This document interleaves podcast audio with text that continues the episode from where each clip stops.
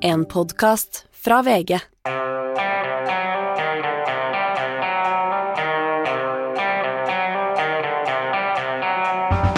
Ikke visste jeg at alle disse dagene som kom og gikk, de var selve uke 11. Det er fredag igjen, og jeg har besøk av, stor glede, besøk av en gammel kollega, Halvor Kjønn. Velkommen. Takk.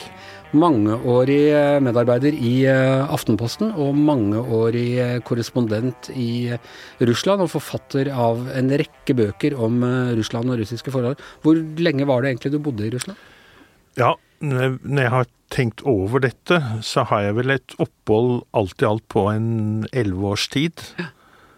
litt sånn litt fram og tilbake i noen av periodene, men, men det er vel den tida jeg har oppholdt meg i Moskva og i tidligere Sovjetunionen, i det som etter hvert ble Russland. Og jeg har i all beskjedenhet faktisk hatt eh, gleden av, og det må jeg si er gleden av, å ha besøkt alle de 15 tidligere sovjetrepublikkene. Så, som Aftenposten pleide å si om seg selv i gamle dager, det er solid bakgrunn for egne meninger. Ja, altså det å bli kjent med det landet, det å forstå det landet, det er ikke noe man gjør i en håndvending. Dette begynte jeg vel med i ganske tidlig ungdom. Eh, og så sto jeg en dag da jeg var i militæret, på grensa til eh, mot Pasvik, og så over til byen Nikkel. Og det var første gang jeg så Sovjetunionen, og jeg så dette øde landskapet med disse giftskyene, og da tenkte jeg det at dette er interessant. Hva skjer egentlig på den sida av grensa? Og dette må jeg prøve å forstå. Og det har jeg det holder jeg, liv til. ja, det holder jeg på med fortsatt. Og, og jeg er langt fra i mål. Er du, eh, gikk du Forsvarets russiskkurs? Nei, sånn? det gjorde jeg ikke, for det var ikke noe kurs det året jeg var i militæret, så jeg, jeg gjorde ikke det. Så jeg eh, lærte meg russisk eh, delvis i Tyskland. Og det var jo fint, for det at tyskerne, de, de har jo mye ekspertise på Russland. De har jo og de, de har vært borti dem før. De har vært borti dem før, og de kan det, og det var en, eh, en eh, stor glede å lære russisk i Tyskland. Og så kom jeg til eh, Moskva etter hvert som vikarkorrespondent for Aftenposten, og etter hvert også som fast korrespondent. Og man må bo i landet for å lære seg språket ordentlig, og det, det gjorde jeg da etter hvert. Det var bra du ikke gikk Forsvarets russisk kurs, for da hadde du kanskje blitt spion istedenfor journalist, og det hadde jo journalistikken gått glipp av deg. Ja, nei, men jeg hadde, jeg hadde jo tenkt å bli journalist, da. Ja, du hadde det som plan det hadde jeg, ja. Men når var, det du, når var du første gang korrespondent i eh, Russland? Altså, første gang jeg var vikarkorrespondent, det var i 88. Og da kom jeg eh, til Moskva, husker jeg veldig godt, og da Dette var jo midt i den beste perioden til Gorbatsjov. Og da sto det svære sånne eh, plakater, slagord, sånne banner og veiene, med demokratisatsia, eh, perestrojka, glasnost. Altså demokratisering, åpenhet og ombygging. Og da kom eh, Den sommeren var den 19. partikonferanse. Og da ble det proklamert at Sovjetunionen skulle bli en stat basert på lov. På loven. Og det var jo noe helt sensasjonelt. Altså man skulle bli en lovbasert stat. I motsetning til Ja, I motsetning til det det alltid hadde vært. Altså et eh, diktatur, et vilkårlig diktatur, men nå skulle det bli en lovbasert stat. Men det som var det tragiske, var det at det var jo egentlig det som førte til Sovjetunionens oppløsning og det totale kaos i lang tid. Fordi at denne diktaturbaserte mekanismen tålte jo ikke det. Eh, Gorbatsjov var jo altfor naiv. Han trodde jo det at man kunne forbedre Sovjetunionen og gjøre Sovjetunionen litt bedre, at ting da ville fungere bedre. Han tenkte jo ikke, han forsto jo ikke det at hvis man gir folk mulighet til å si det de virkelig har på hjertet, da vil Sovjetunionen falle sammen. Hvis man Ja, det er den der gamle 'hvis bare Stalin hadde visst'. Ja. Du, eh, jeg var på en veldig interessant forelesning du holdt om Russland for, for noen år siden. Jeg har tatt vare på notatene, det er ikke alle ting jeg tar vare på notatene til. Eh, og da åpnet du med å si at Vesten har tatt systematisk feil fordi man tror at politikk er det samme i Russland som i Vesten. Ja. Og hva Altså- mener du med det? Jo, altså, det er jo slik at veldig mange i vest, de forstår jo det at ting i Kina, Vietnam, Indonesia, de er kanskje ganske forskjellige fra Vesten. Men når det gjelder Russland, så er jo det et land som ligger veldig nært oss. Og menneskene ser jo veldig like ut. Og vi eh, begår da den fundamentale eh, feil, misforståelse at vi tror da at da tenker også menneskene på samme måte. Men det har man jo aldri gjort i Russland. Eh, I hvert fall ikke flertallet, og i hvert fall ikke makthaverne. Fordi at vi tror jo det at politikk, det å drive politikk i et land, det er det muliges kunst. Altså, vi må finne en eh, vi må snakke sammen. Ja, vi må finne en måte å leve sammen på. Vi må, vi må komme fram til løsninger som alle er eh, litt misfornøyd med, men også litt fornøyd med. Ting vi kan leve sammen med. Og så må vi forene de ulike interessene, og så må de ulike interessegruppene de må komme til orde, og de må kunne få si hva de, på, hva de mener for noe. Eh, og slik utforme en politikk for hele samfunnet. Slik har det aldri vært i Russland, og det er det veldig viktig å forstå. Eh, politikk i Russland det har gått ut på å utøve makt. Eh, og mm, denne makta den har vært total, og den har vært konsentrert på toppen. Og det var en, en, en analytiker av Sovjetunionen som kjente Sovjetunionen veldig godt, og han sa det at eh, i Russland, sa han, tradisjonelt, så har det kun vært én institusjon med makt, og det har vært tsaren. Og enten du kaller da eh, for tsaren eller generalsekretæren i kommunistpartiet eller presidenten som nå, så er det akkurat det samme. Det er tsaren, og det er den ene institusjonen med makt. Og det er veldig viktig å forstå at dette er et maktbasert system, og ikke et konsensusbasert system. Og makt på russisk, det er vlast? Vlast, vlast, og det er det og, det og, dette skjønner jo folk i Russland, for de snakker jo om vlast, altså om makta. Og, og, og de snakker om at eh, eh, Altså, det er jo for eksempel uh, tittelen på et nyhetstidsskrift, Vlast.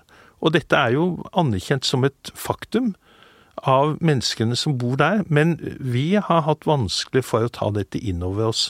Og derfor har vi også vanskelig for å forstå hva det egentlig er vi har vært konfrontert med. Og du snakket også om på, på samme forelesning om, og dette sier jeg sikkert gærent, gosudartsvo. Gosudarstva, ja. ja gosudarstva, ja. ja. Nei, for det at uh, vi ser det jo veldig godt når vi, når vi da ser på dette her med, med begrepet stat eh, hos oss. Altså stat, det betyr jo likevekt. Eh, og det ordet finnes ikke på russisk. Det er ikke noe som heter Status? Eh, henger det sammen? Ja, det henger med status. Ja. Mm. Tilstand eller mm. likevekt. Ikke sant? Altså du har State of the Union, mm. altså tilstand til unionen, men det kunne jo også hete State of the State. Altså ja. tilstand til staten. Rikets tilstand? Eh, ja, rikets tilstand. Og dette finnes jo på alle vestlige språk, og i alle vestlige samfunn så har vi jo stat. Men det er ingenting som heter rasiske eller ruski stat. Det, det fins ikke. Det er, det er, for, for, hva betyr det da? Altså betyr, nei, betyr det stat, eller betyr det Nei, det, det, begrepet de har, det kommer av gossodar. Og gossodar, det betyr den som hersker. Den som utøver makt. Herskeren, eller Herskeren. Og, og tsaren er alltid blitt kalt for gossodar. Og eh, gossodaren, han er, står der i spissen for gossodarstva og det er staten, nemlig herskemakten. Mm. Så stat på russisk, det betyr direkte oversatt herskemakt. Så når vi sier da den russiske herskemakt, rasiskaje gossodarstva, så sier vi den russiske herskemakt. Og herskerens fremste oppgave er da å herske og beholde Det er å herske, og det er å utøve makt. Ja. Og eh, da er det slik at de som ikke, er, ikke er, befinner seg i herskerens umiddelbare omland, de har ingen makt. Det er kun herskeren og noen få som han utpeker. Det innerste Sovjet, som vi kalte det i gamle dager. Innerste Sovjet, Han kan selvfølgelig ikke eh, herske helt alene, men all makt utgår i prinsippet fra herskeren. Og han har da en krets eh, av folk omkring seg, som sagt, som han eh, utpeker, som er hans eh, Stort sett er det jo menn det er snakk om. Eh, og de som ikke er enten herskeren eller er i kretsen omkring herskeren, de har ingen makt. de, deres oppgave er å adlyde og sette ut i livet de eh, ordrene som kommer ovenfra. Eh, og det var en, eh, det var en eh, bekjent av meg som sa dette veldig godt for noen år siden. Han sa det at han hadde nemlig vært på Island og i Kamtsjatka, eh, lengst øst i Asia. Eh, hvis vi har tid til å dra den lille anekdoten. Ja, ja, ja. Og da sa han det at eh, Det var veldig underlig, sa han, at Island og Kamtsjatka, altså lengst øst i, i Russland, ut mot Stillehavet, det var helt like. Det var altså enorme mengder med geotermisk energi. Det var en fantastisk natur, og omkring begge stedene så var det et enorm, en enorm mengde med fisk. Bare forskjellen, sa han, det var det at mens da eh, BNP per innbygger på Island er noe sånt som 50 000 dollar eller et eller annet sånt, så var den 2000 på Kamtsjatka. Så Island 50 000, Kamtsjatka 2000. Og så sa jeg det at ja, men hvorfor er det egentlig sånn, sa jeg.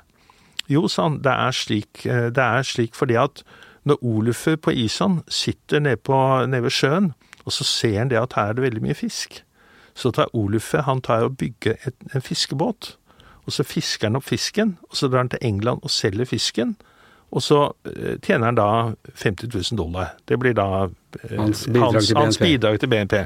Mens Ivan på Kamtsjatka, han sitter også på stranda og ser det at der er det veldig mye fisk. Men Ivan på Kamtsjatka, han lurer da på hva vil eh, i Moskva si til meg at jeg skal gjøre med denne fisken? Ikke sant? Altså, skal, si, Vil tsaren at jeg skal gå ut og hente fisken, eller vil han ikke det? Og hvis ikke tsaren kommer med noe, noe beskjed til Ivan på Kamtsjatka, så gjør ikke Ivan noen ting med dette. Da skjer det ingenting. Og det er jo, sier veldig mye om det russiske samfunnet i et nøtteskall, at eh, Er det fordi han tenker at denne fisken er ikke min, den tilhører tsaren? Ja, det er, eller? det er i hvert fall tsaren som må bestemme hva vi skal gjøre med denne fisken, eller hva vi skal gjøre med, med hva, hva gjør vi med Kamtsjatka? Mm. Altså hvordan utnytter vi naturressursene på Kamtsjatka? Dette vet tsaren bedre enn meg, rett og slett. Ja, tsaren vet dette selvfølgelig mye, mye bedre, og Ivan er ikke den som skal bestemme dette, for det er det tsaren som skal. Og, og, um, og dette er noe som har gått igjen i Russland gjennom hele historien. Eh, I de periodene hvor man har hatt de gode tsarene, eh, de ja, mer liberale, de som har vært, eh, hatt et godt overblikk og forstått landet, så har det gått ganske godt. Og noen av herskerne de har vært geniale. Eh, eksempel ja, både Peter den store, Katarina den annen og Alexander den andre var fantastiske herskere. Eh, Og da, da gikk det godt for landet. Men i de periodene hvor herskeren ikke har vært en den type det vi kan kalle en overskuddsperson, så er det gått dårlig. Et sårbart system. Et veldig ekstremt sårbart system, for det at det er veldig avhengig av mannen på toppen. Eh, Normalt har det vært en mann, bortsett fra mellom 1725 og eh, 1796, så var det jo kvinner. Og da gikk det litt bedre. Ja, under Katarina gikk det veldig godt, men, men eh, nå skal vi ikke bli altfor um, europeisk eh, sjåvinistiske. Hun var jo tysk. Ja. Hun hadde jo med seg hele den tyske opplysningstid, hele opplysningskulturen fra Europa, som hun forsøkte å omplante i Russland. Men eh, ja, hun gjorde veldig mye godt i løpet av sin Bygde Russlands vakreste by. ja, bygde absolutt. eh, St. Petersburg ble en mye finere by under henne, osv. osv. Men eh, de grunnleggende ting i Russland klarte heller ikke hun å gjøre noe med. Og hun så jo det at livegenskapet, altså det at faktisk flertallet av befolkningen, de befant seg i en slavelignende tilstand. Altså, de liveggene var jo eid av godseierne. Og hun mente jo det i bunnen av sin sjel, at dette var et barbarisk system som ikke kunne bestå. Men samtidig så fikk hun ikke gjort noe med det, for hadde hun gjort noe med det, så hadde hele det samfunnet hun sto på toppen av, det hadde falt sammen. Altså hele maktpyramiden hadde falt sammen. Og det skjønte hun også. Herskesystemet hadde ikke fungert. Herskesystemet hadde ikke fungert. Hvis ikke flertallet på bunn var da slavebundet av godseierne. Det du kan kalle for oligarkene. Eh, og dette forsto Katarina, og derfor gjorde hun heller ikke noe med det. så lenge hun eh, styrte. Men sånn du ser det, eller sånn altså denne historiefortellingen eh, forteller det, så det, har det egentlig ikke vært Altså det har vært noe revolusjon og det har vært litt sånn, men det er tsaren, det er lille far som styrer, enten han heter Stalin eller Ivan Grusomme eller uh, Brezjnev, for den saks skyld. Ja, det, det, er det. Og, men samtidig, som vi antydet, dette systemet er jo selvfølgelig sårbart. Fordi at eh, den som er på toppen, eh, kan jo ikke eh, kan jo ikke lede landet ut i en hvilken som helst katastrofe. Og det, det gjorde jo Nikolai Nicolai 2. i 1917. Ja, og landet holdt på å gå fullstendig av hengslene, og eh, det var jo nød i byene, og armeen led nederlag på eh, fronten mot tyskerne. Eh, katastrofen var jo fullkommen, og Nikolai ble styrtet. Og så kommer da 80, eh, begynnelsen av 90-tallet, hvor da eh, det kommunistiske systemet hadde etter hvert kjørt seg fullstendig fast. Og det som skjedde da på 90-tallet, eller begynnelsen av slutten av 80-tallet, det var jo det at eliten mistet tilliten til kommunistpartiet. Og da kom det også en omveltning. Eh, men eh, så ingen av de omveltningene førte jo til en grunnleggende endring av tenkesettet. Og det er jo problemet. Var Gorbatsjov, som sto for glasnost og perestrojka, som er vår store helt, eh, var han en tsar? Ja, men han var jo en av reformsarene. Han var en av dem som skulle reformere dette systemet. Og den forrige som virkelig skulle gjøre det, Alexander 2., han ble jo eh, skutt og drept, eller han ble sprengt i, i biter i av, av, av, en bombe av en anarkist i, eh, i 1881.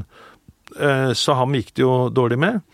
Eh, og så kom jo eh, sønnen hans, Alexander 3., og han sa det at nå skal ingenting endres, alt skal være som før. Og det holdt i hans nokså korte regjeringstid fram til eh, begynnelsen av 1890-tallet.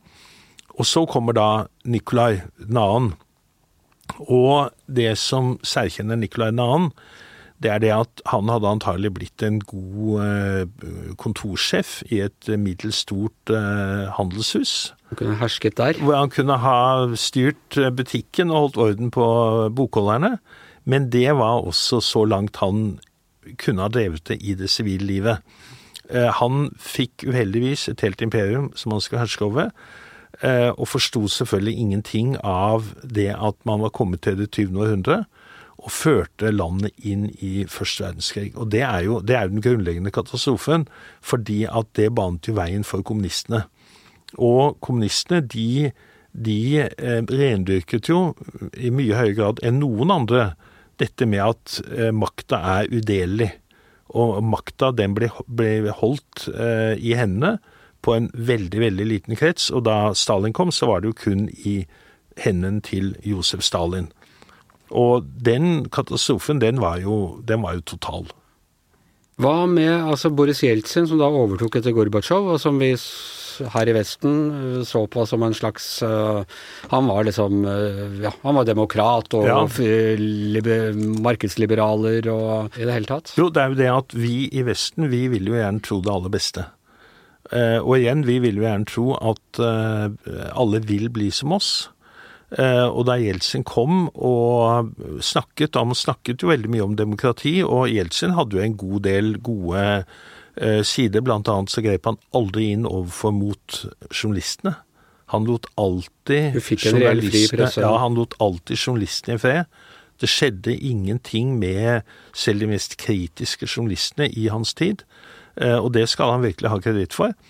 Men eh, Jeltsin, for det første, han innførte jo som en følge av den eh, borgerkrigslignende tilstanden som var i 1993, så innførte han, han en grunnlov som ga presidenten, nemlig han sjøl, veldig, veldig sterke fullmakter. Og så eh, ble han mer og mer preget av eh, alkoholisme. Og så hadde jo han denne kretsen omkring seg som ble kalt familien. Og den familien, den som det het, altså det var ikke bare familien, det var også familien hans, men det var jo hele De ble kalt familien? Ja, de ble kalt familien. De begynte å stjele. Og dette er med å stjele fra staten, det har jo også vært et konstant trekk ved hele den, eh, det russiske samfunnet. Og det har jo igjen sammenheng med det at makta er udelig. For det at hvis man har makt i staten, så eier man også staten. Ja. Er du energiminister, så eier du Da eier du, da eier du fossefallene og atomkraftverkene og, og alt sammen. Og, og, kan overføre betydelige summer både til barna dine og til fetteren dine og til deg sjøl.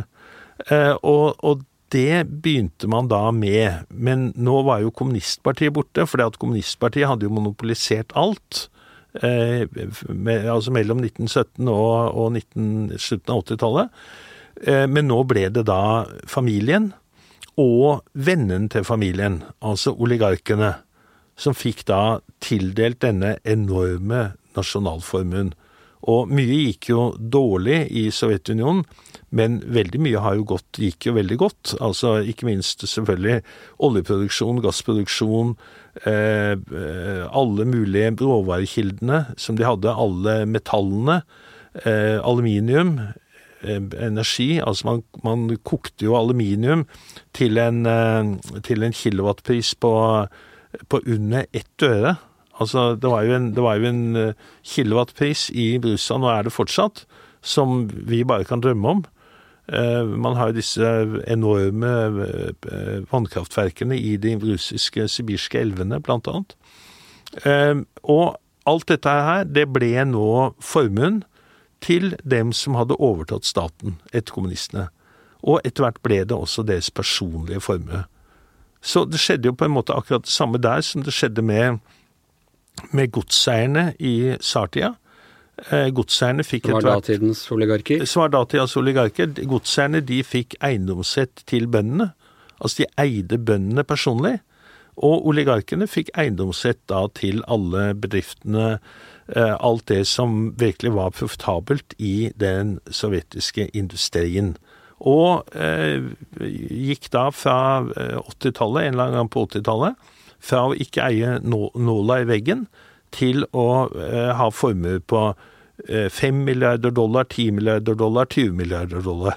Så sånn gikk det. Og de, ja, de, de kjøpte disse stats uh, for en slik og ingenting? Og... Ja, fordi at, at Jeltsin og hans krets, de forsto jo det, og det var jo på en måte forståelig, at denne enorme sovjetiske nasjonalformuen, det måtte jo bli forvaltet av noen. Eh, og hvem andre kunne man da overgi den til, hvis man ikke skulle gi den til utlendingen, da, og, og selge seg ut til utlendingene, enn de som hadde vært vellykkede forretningsmenn i Gorbatsjov-perioden. Altså da det plutselig ble lov igjen å drive selvstendig forretning. Og for eksempel Mikhail Hodorkovskij var en av dem. Han var tidlig ute, stiftet en bank, og ble en eh, ganske suksessrik eh, forretningsmann. Eh, og så, da eh, oljekildene etter hvert skulle auksjoneres bort, og Jeltsin trengte penger til valgkampen sin i 96, eh, så ga man disse altså disse nøkkelbedriftene over til oligarkene mot at Jeltsin fikk, Lånegarantier og Ja, fikk noen 100, 100 millioner dollar til å fylle valgkampkassa si. Det er i all hovedsak det som skjedde. Mens det skjedde, var det ingen som skjønte hva som uh, egentlig var i ferd med å skje, men dette ble jo klart i løpet av 96-97 at disse oligarkene hadde overtatt hele den sovjetiske nasjonalformuen. Så kom altså da Putin Putin utpekt av, av eh, Jeltsin, og, men Eh, bildet av han, og fortsatt av vårt eh, bilde i Vesten, var ja, han var en brutal. Tidligere, tidligere KGB og, og, FSB og brutal i Tsjetsjenia og sånne ting. Men sånn jeg husker han, var som en sånn litt sånn ukorrupt apparatskikk som skulle på en måte rydde opp litt etter den der dekadente oligarkfesten som Jeltsin hadde holdt. Ja, og, og Putin han ble jo utpekt til president, altså til tsar Eh, bare sånn liten digresjon. Eh, far til Putin han døde eh, akkurat da Putin var i ferd med å overta. Og det siste han sa på dødsleiet, det skal angivelig ha vært eh, 'Moisin on tsar'. Altså 'sønnen min, han er tsar'. Okay. Ja. det aller siste Hvis en far kan dø sånn, så Vladimir senior sa da. Og han var fra enkle kår, men Han var fra enkle kår i, i, i, i St. sånn. Petersburg. Ja. Veldig enkle kår. Putin vokste opp i eh, all enkelhet i, i St. Petersburg, i etterkrigstida St. Petersburg. Eh, men eh, Putin, han ble jo han kom jo til presidentadministrasjonen i eh, Moskva på, i annen halvdel av 90-tallet, og han ble jo kjent som en mann som holdt orden på tingene. Og det var jo det som skaffet ham innpass i de aller øverste kretsene. Fordi at det var jo kaos. Altså, eh, Jeltsin gikk på fylla, og han var sjuk. Og han mistet etter hvert evnen til å styre staten. Og, da, eh, og det er jo det er jo et eh, sånt eh, ledemotiv gjennom russisk historie. Hvis man får en sånn eh, altså manglende evne til å styre, så får man noe som man kaller for smutna jevremia, altså forvirringens tid. Og det var det på 1600-tallet, på begynnelsen av 1600-tallet, hvor ingen egentlig styrte landet, og hvor landet var i ferd med å gå i oppløsning. Og på 90-tallet, jeg bodde jo i Moskva gjennom nesten alle 90 90-åra, da var det veldig mye snakk om denne smuten og evremia, altså forvirringens tid. At det var ingen som styrte. Og så kommer da eh, Putin og sier da at eh, han overtar da nyttårsaften, og jeg husker veldig godt. Var nyttårsaften til inntil år 2000. 99, Ja. 99 2000, nyttårsaften 99 2000, jeg husker veldig godt. Jeg satt og så på TV i Moskva, eh, og da kommer denne eh, nokså unge mannen, eh, han var jo da eh, 47 år var han vel, og sier det at nå skal det bli orden i staten. Demokratiet skal fortsette, sa han, men det skal bli orden i staten. Eh, og da kom det an på hva legger man mest vekt på, orden eller demokrati. Eh, og veldig mange ville jo ha orden, for det at demokratiet hadde jo ikke innfridd. Altså Demokratiet hadde jo ført til fattigdom, og det er viktig å huske på. Det, altså, det demokratiske eksperimentet var jo for en stor del mislykket av de årsakene vi har snakket om. Eh, og det aller første han begynte å gå løs på, det var avisene og fjernsynet. Med å få kontroll over meningsdanningen i samfunnet. Og da burde man jo egentlig ha skjønt hva dette handlet om, men veldig mange som hadde opplevd kaoset i så lang tid under Jeltsin, de ga jo eh, Du kan si de var jo villige til veldig mye. Altså, man var villig til å godta mye, for det er en eller annen orden måtte man ha i en stat. Eh, og man kunne kanskje godta at han strammet en god del inn, men eh, problemet var det at Putin han bare fortsatte og fortsatte og fortsatte. Eh, helt til etter hvert eh, all opposisjon ble eh, fjernet. Og så kommer det en veldig viktig, eh, veldig viktig vending, nemlig det som skjer i Ukraina og i Georgia, og delvis også i Sentral-Asia omkring 2005, hvor man får disse fargerevolusjonene. Og da eh, med støtte ifra Vesten. Og da begynner Putin å definere eh, Vesten som en fiende. Han gjorde nok ikke det i 2001 og 2002, men i 2005 så går Vesten over fra å være partnere til å bli potensiell fiende. For det var en ganske god stemning. Jeg husker Jens Ja. Stoltenberg, hans første Ja, ja. regjering, var over der og, og ble tatt vel imot, og Bjørn Tore. Godal og Ja da, absolutt. Det var Og, og, og sjøl etter 2005 så sa jo eh, Jonas Gahr Støre, da han var utenriksminister, at målet mitt det er det at forholdet til Russland det blir like normalt som forholdet, det forholdet vi har til Sverige. Altså Det skal bli like normalt å dra til Russland og ha kontakt med russerne som det er å ha kontakt med svenskene. Det var nordområdene og Ja, ja, og det, det sa eh, Jonas, og, og, og det ble jo sett på som en, eh, en god målsetting. Men alt da var jo denne vendingen begynt, nemlig at Putin begynte å definere Vesten som en fiende, og det vestlige demokratiet som en trussel. Det var da han sa dette med at det var den største geopolitiske katastrofen. Da, da kom også det at, eh, at han definerte da oppløsningen av Sovjetunionen som den største geopolitiske katastrofe i vår tid. Eh, Og det som jo er et paradoks, er jo det at den som sto for den oppløsningen, det var jo mannen som hadde utnevnt ham, nemlig Boris Jeltsin. Og det er jo det er et paradoks. Han tok sjølkritikk på vegne av Boris Jeltsin. Ja, det måtte han jo eh, gjøre da, men det er jo noe han har eh, ikke gått så mye inn på. den som har fått eh, skylda for det hele, er jo, er jo Gorbatsjov. Men Gorbatsjov ville jo beholde Sovjetunionen i en eller annen form, men det var jo Jeltsin som, eh, som, var pådriveren på å oppløse Sovjetunionen. Og eh, det er jo ganske åpenbart at den oppløsningen av Sovjetunionen som skjedde, eh, med at eh, man, man ødela alle disse økonomiske båndene som bandt det sovjetiske næringslivet sammen, det var jo en av de medvirkende årsakene til den fattigdommen som bredte seg på 90-tallet, og som førte til at hele demokratiseringsprosessen fikk eh, komme i vanry og ble uh, upopulær ute i folkedypet. Hva vil Putin nå? Ja, Putin han vil herske. Det er åpenbart. Eh, han vil herske, og han vil eh, herske i en sterk stat.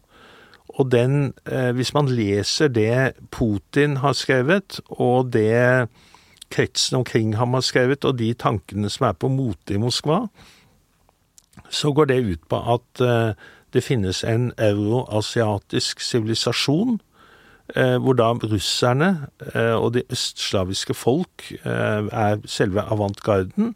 Herrefolket? Ja, kanskje ikke herrefolket, men i hvert fall de står da for de tradisjonelle verdiene. Eh, altså eh, ikke noe løssluppet demokrati, overhodet ikke. På ingen måte. Eh, nemlig heller autokrati. Eh, de tradisjonelle familieverdiene. Eh, fast styring av staten. Eh, religion osv. osv. Og, og mot det står da det dekadente Vesten. Og det dekadente Vesten, det står for eh, demokrati, oppløsning, eh, dekadanse. Homofili. Ja, homofili, alle disse tingene. Eh, og eh, Russland, det evige Russland, skal da kjempe mot dette og bli hoved, eh, hovedmaktfaktoren eh, i, i, blant de land som motsetter seg denne vestliggjøringen. Og, eh, og det, skal, eh, det, skal, Russland gjøre sammen med, eh, i første omgang, Hviterussland og Ukraina. Og der mener han da at befolkningen der egentlig er tilhenger av hans prosjekt. De må bare frigjøres fra ja, de, de narkomane fra, fra de narkomane nazistene nå, og jødene. Ikke sant? For det er også antijødiske Det er en antisemittiske Ja, det er, det er klare antisemittiske trekk i dette. Ehm, og så skal man da på en eller annen måte gjenopplive den gamle Sovjetunionen og skape en supermakt, ny supermakt, på, det, på den østlige delen av det europeiske kontinent. Og så skal man trenge USA ut fra Europa. Eh, amerikanerne de kan dra til, eh, til hjem eh, og stelle med sitt, mens da denne euroasiatiske supermakt skal bli den dominerende makt. Pax Russia i ja, Pax, Europa? Pax Russia, og eventuelt i samarbeid med kineserne. Ja, for det er nettopp det jeg lurte på. Hvor passer da Kina inn i denne Kina passer inn i det. storplanen? Kina passer inn i det på den måten at eh, at eh, man vil eh, Altså, man har jo omtrent det samme synet på demokrati, nemlig at det er noe man er mot. Eh, det som selvfølgelig er problemet til eh, Putin, er jo det at eh, dette kan jo lett ende som at Russland blir et underbruk av Kina. Men så kan man si på den annen side, hvis han da får realisert denne ideen og samlet stort sett alt det som var i den gamle Sovjetunionen under, i, i, i, i sitt land eller i sin stat, så vil denne bli sterk nok til å eh, motvirke en uheldig kinesisk innflytelse, eller at Kina overtar dette prosjektet. Men dette, dette er tanker som er, har vært snakket om veldig lenge i makteliten i Moskva, og som har vært åpent tilgjengelig. og og Putin sjøl skrev et, en lang artikkel eh, som ble offentliggjort i juli, eh, ikke så veldig mange måneder siden, hvor han skrev om dette historiske sambandet mellom eh, ukrainerne, hviterusserne og russerne at egentlig var det ett og samme folk, og at de hadde da en historisk misjon sammen. Hvor er han nå? Hva kan han få oppnådd gjennom denne krigen? Eh, ja, spørsmålet er jo tenker man på kort eller lang sikt. Jeg tror på, Hvis man tenker på kort eh, sikt, så eh, frykter jeg det at eh, man eh, er kommet til en fase i krigen eh, hvor han, er begynt å, har begynt å ødelegge Ukraina. Og da må vi huske på det at Ukraina er et svært land. 44 millioner mennesker. Eh, det er stort. Eh, potensielt veldig velstående. Eh, forsøket på å overta Kiev gjennom en sånn hurtig kirurgisk operasjon, det gikk galt. 24. og 25. februar. Og så begynte man å sende disse kolonnene mot, mot Kiev. Det gikk også galt. Og nå, man, nå, er man tydeligvis kommet inn i en ny fase av krigen, hvor man begynner å ødelegge. Eh, fordi at eh, om man ikke da kan eh, underlegge seg Ukraina, så skal man i hvert fall ødelegge det. En slags sånn brent jordstaktikk? Brent jordstaktikk, bare det at nå er det fienden man er i ferd med å, å ødelegge. Og eh, hvis dette hvis dette er strategien til Putin, så er det jo selvfølgelig Ja, det er jo katastrofalt. Og det er jo ekstremt bekymringsfullt.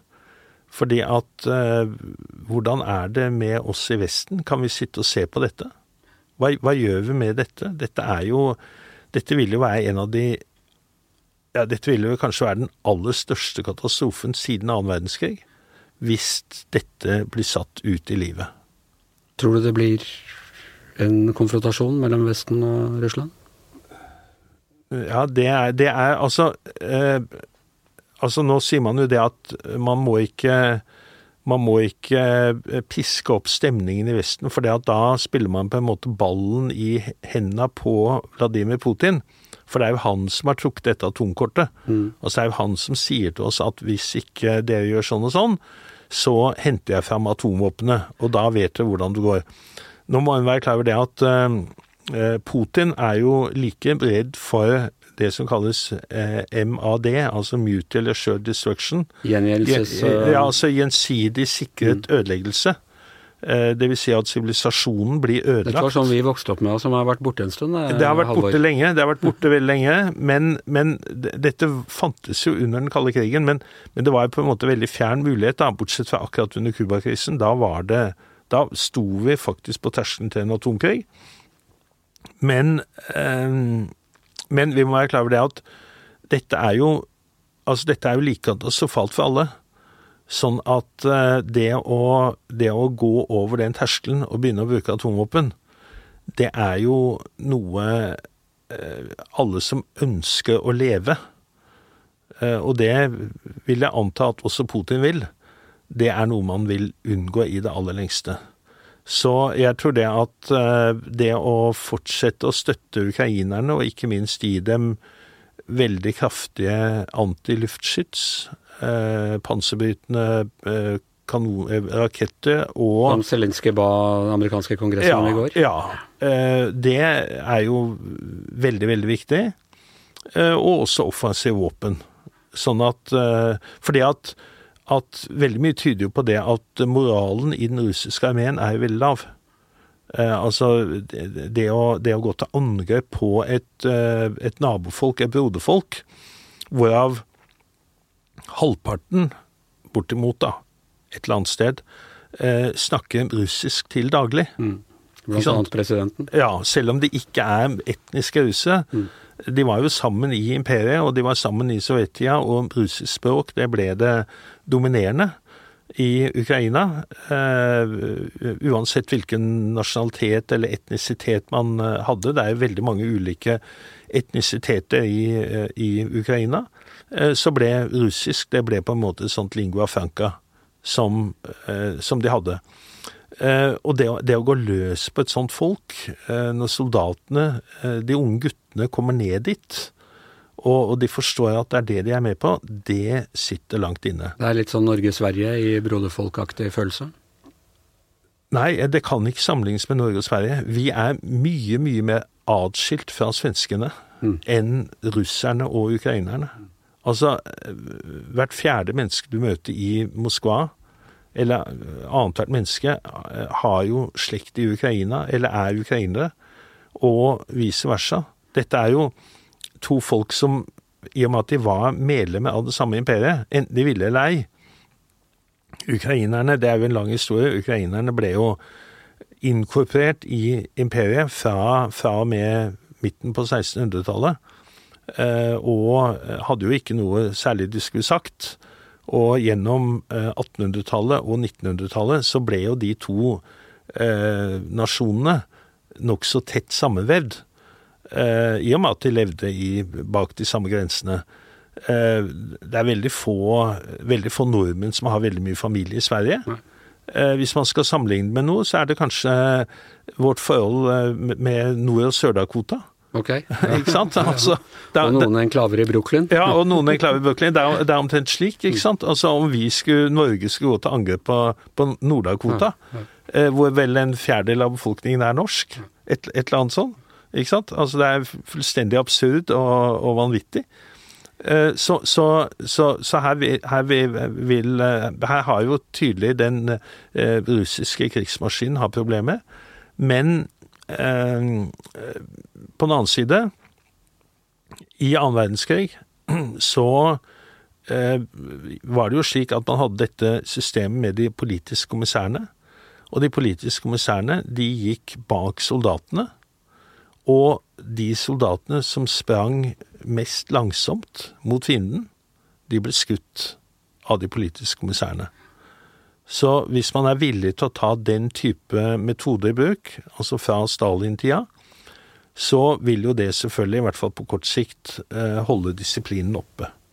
Er Putin Har han et brutalitetspotensial på linje med Stalin? Altså, han er jo oppvokst i eh, KGB, og KGB var jo en ytterst brutal organisasjon. Og det han har vist gjennom eh, de siste to tiår, altså fra ca. 2005, eh, og de metodene eh, etterfølgeren til KGB, altså FSB heter det jo eh, for tida, de metodene de har brukt, de har vært ytterst eh, brutale. Det har ikke vært sånne sånn masseundertrykking som under Stalin, men man har jo eh, tatt livet av veldig mange enkelt, eh, enkeltindivider og veldig mange dissidenter. Og eksempel dette her med å ta livet av eh, avhoppere i Vesten med radioaktivt eh, materiale, det er jo ting som selvfølgelig Putin må ha kjent til, eh, og må ha godkjent. Det, det er ikke det, det altså Den operasjonen mot denne avhopperen Skripal, Skripal, den må jo ha vært godkjent av Putin. Og, og, det er klart, når man godkjenner sånne ting, så er man, da er man ganske langt ute på fløyen, for å si det sånn. Du, jeg må spørre deg til, til slutt. altså Du snakker at vi, eh, vi misforstår eller skjønner ikke den russiske tenkningen. Men hvordan, hvordan ser russerne på oss? Eh, hvordan ser de på Europa? Hvordan ser de på Norge? Er det eh, ut fra et sånn herske-vlast-perspektiv? Ja, altså eh, Selvfølgelig, eh, russerne eh, har respekt for de land som kan utøve makt. Og derfor pleier jeg å si det at det landet de har mest respekt for, det er Finland. Ja. Fordi at finnene har jo overlevd, til tross av at Stalin eh, forsøkte å eh, altså, Annektere. Ja, annektere, altså rett og slett okkupere Finland i 1939. Eh, Og gjennom hele 1800-tallet så var jo eh, Finland var jo også utsatt for en eh, viss grad av russifisering og dominans fra St. Petersburg. Mens Norge, vi har et sånt eh, Altså i den grad man vet hva Norge er for noe. Det er jo ikke så veldig mange, det er mange som ikke vet hva Norge er for noe. Vi er vi er et lite land, og, og det er jo egentlig bare i Norge og på Island at Norge er stort. Ja. Eh, alle andre steder er jo Norge ganske lite. Men det blir jo hevdet at det er et ordtak i Murmansk som sier det at hvis du ikke kan lure en nordmann, så kan du ikke lure noen. og, det, og det er jo eh, altså, altså, vår. Altså vår naivitet og vår godtroenhet, og også vår vilje til å kaste penger etter alle mulige ting, eh, den er ganske stor. Og den er jo den er velkjent. Ja. For det at eh, Nordmennene kommer med pengene, og, og, da, og, da, da, spør ikke nordmennene så veldig mye om hva de pengene egentlig ble brukt for, så lenge man tror det at det er til et godt formål. Eh, så, så, sånn er det. men når det gjelder Vesten, så ser man jo på så ser man jo på Vesten som Og der tror jeg nok Putin har følge ganske mange, altså som ganske dekadent. Eh, opptatt av å leve livet i øyeblikket. Overfladisk, altså antireligiøs, da. Eller av, hvis vi kan bruke et sånt uttrykk og eh, at, eh, eh, at vi egentlig er ganske lette å presse, fordi at vi vil hele tida se på vår egen lommebok, og hva er det som lønner seg. Så den mobiliseringen som vi nå har sett i Vesten, det tror jeg nok har overrasket veldig mange.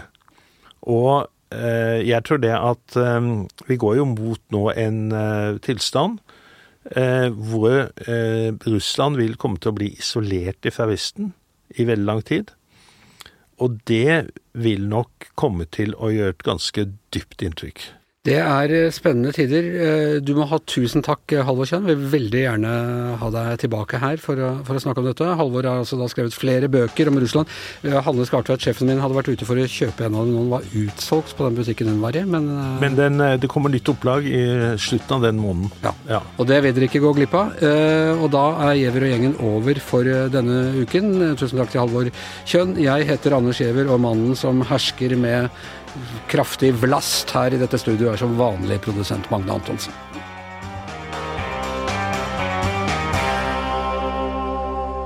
Du har hørt en podkast fra VG. Ansvarlig redaktør, Gard Steiro.